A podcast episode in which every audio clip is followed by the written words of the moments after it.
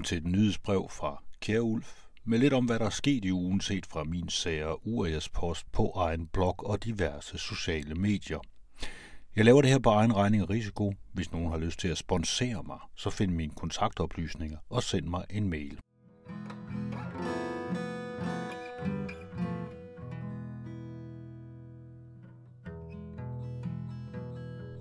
Der findes to efterretningstjenester i Danmark, mindst. De to vi kender, og som bliver betalt af staten for at sikre henholdsvis den ydre og den indre sikkerhed, hedder FE, Forsvars Efterretningstjeneste, og den anden hedder PET, PET, Politiets Efterretningstjeneste. FE skal som udgangspunkt tage sig af de ydre trusler og af kontraspionage, altså udenlandske folk i Danmark, der spionerer imod os. Men de har på det seneste fået flere opgaver inden for cybersikkerhed, her især Center for Cybersikkerhed, der er under Forsvarets efterretningstjeneste.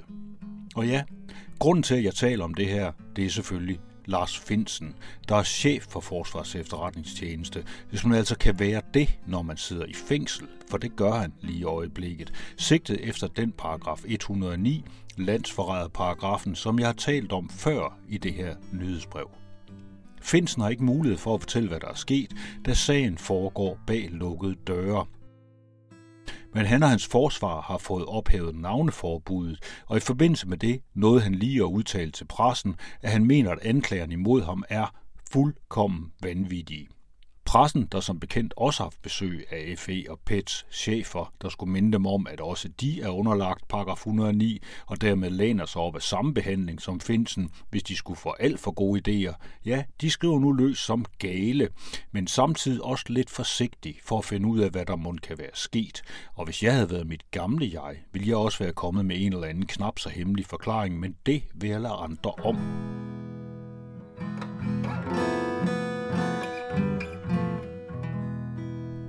I stedet vil jeg fortælle noget til det, man i medierne kalder til baggrund.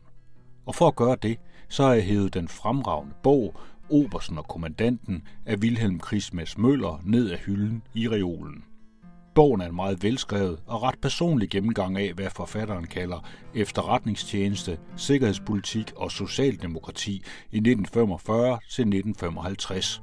Og det med Socialdemokratiet, det er værd at holde fast i.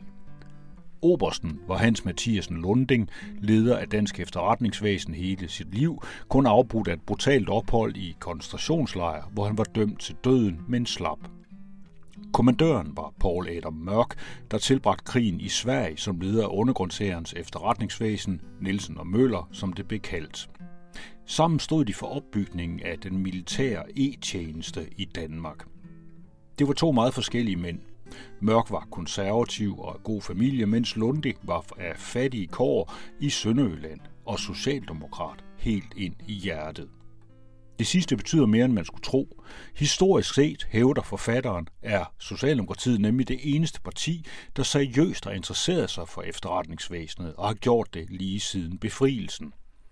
Socialdemokratiet var faktisk så glade for det der hemmelige, at de havde deres helt eget efterretningsvæsen, kaldet Arbejderbevægelsens Informationscentral, der fungerede fra 1944 og helt op til 1972.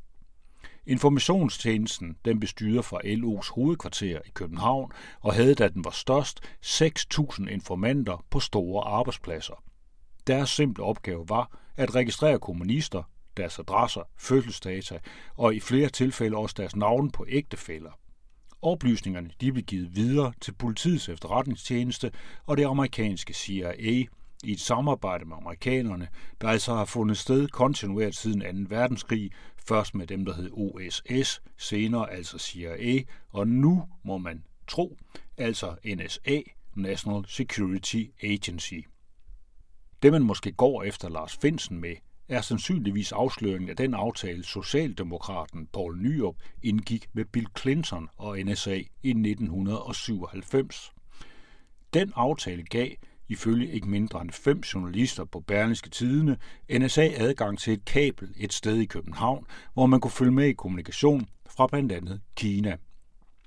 Problemet var, at al mulig anden international data og telefontrafik fra hele Danmark og ud af landet også løb igennem det kabel, men det valgte man at se stort på, hvilket i maj måned eksploderede historien om, at FE havde hjulpet NSA med at overvåge Tysklands kansler Angela Merkel. Men det var jo amerikanerne, vores og historisk set især Socialdemokratiets venner. Og vi har sikkert fået noget tilbage for ulejligheden.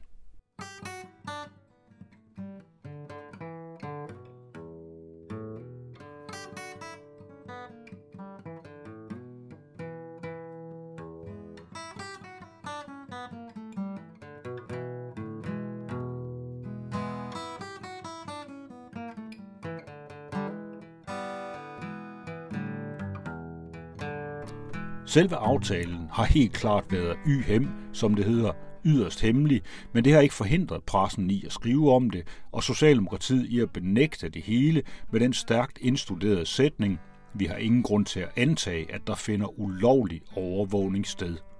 Og nej, det var ikke ulovlig overvågning, for faktisk ligger der angiveligt et stykke papir med hele aftalen i FE's hovedkvarter på Østerbro med underskrifter af samtlige forsvarsminister siden nyopregeringen, inklusive, må man formode, Tine Bremsen, der hidtil har været påfaldende tavs. Socialdemokratiet har altid vist stor forståelse for efterretningstjenester, og er der nogen, der igennem tiderne har hjulpet med at rave kastanjerne ud af ilden, hvis FE eller PET, og især deres meddelere, kom til at klokke i det, ja, så er det Socialdemokratiet.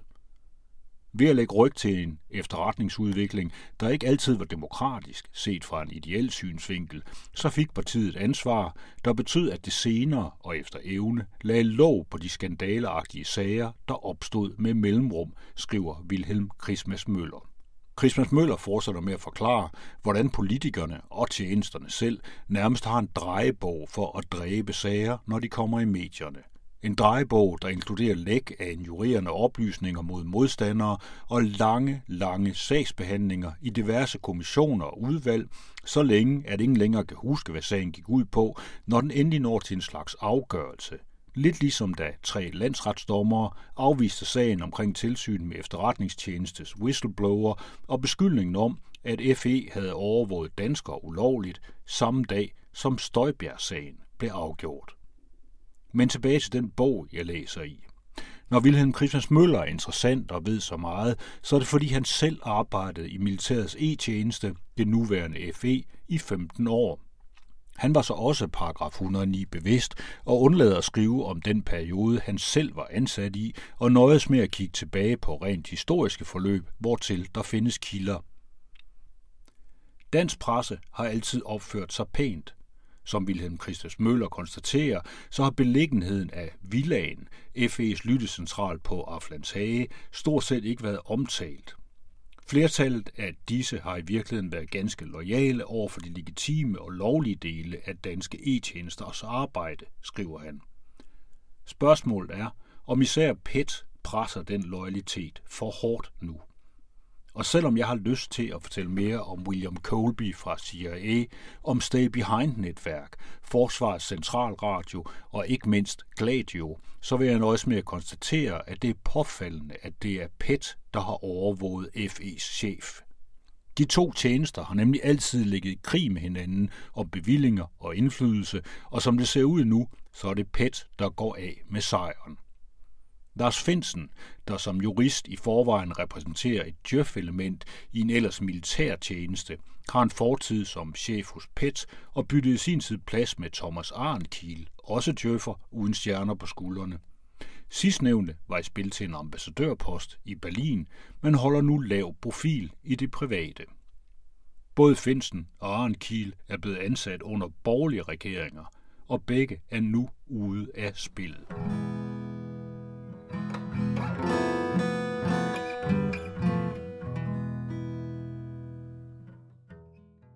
Rygter i mediebranchen siger i øvrigt, at der, og må ikke også i dag, altid var én journalist på enhver redaktion i Danmark, der var direkte forbundet til PET eller FE, og som regel en, der havde aftjent værnepligt, var nationalt sindet, og som var villig til at tage telefonen og ringe til hovedkvarteret, hvis noget pinligt var under opsejling, eller til at skrive artikler, der sendte resten af pressen i en anden retning.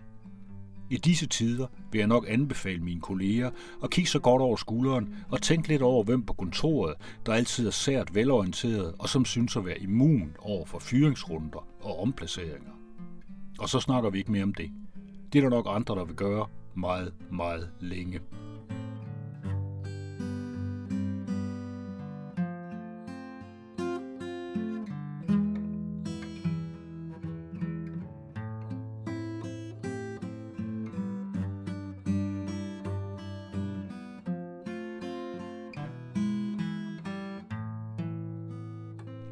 Vi skal også nå på andre ting.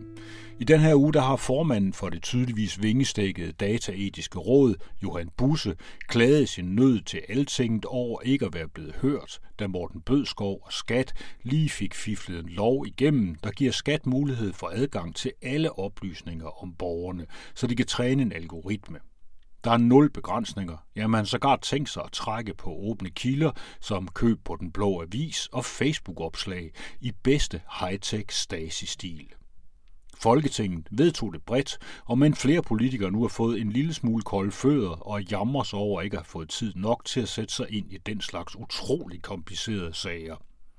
Busses dataetisk råd er som sagt ikke blevet hørt, selvom det må siges at være lige deres område, hvilket endnu en gang understreger, at databeskyttelse og etik kun er noget forvaltninger beskæftiger sig med, når det passer dem eller de skal.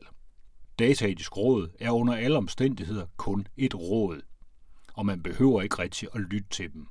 Det er synd, ikke mindst for tilliden til staten.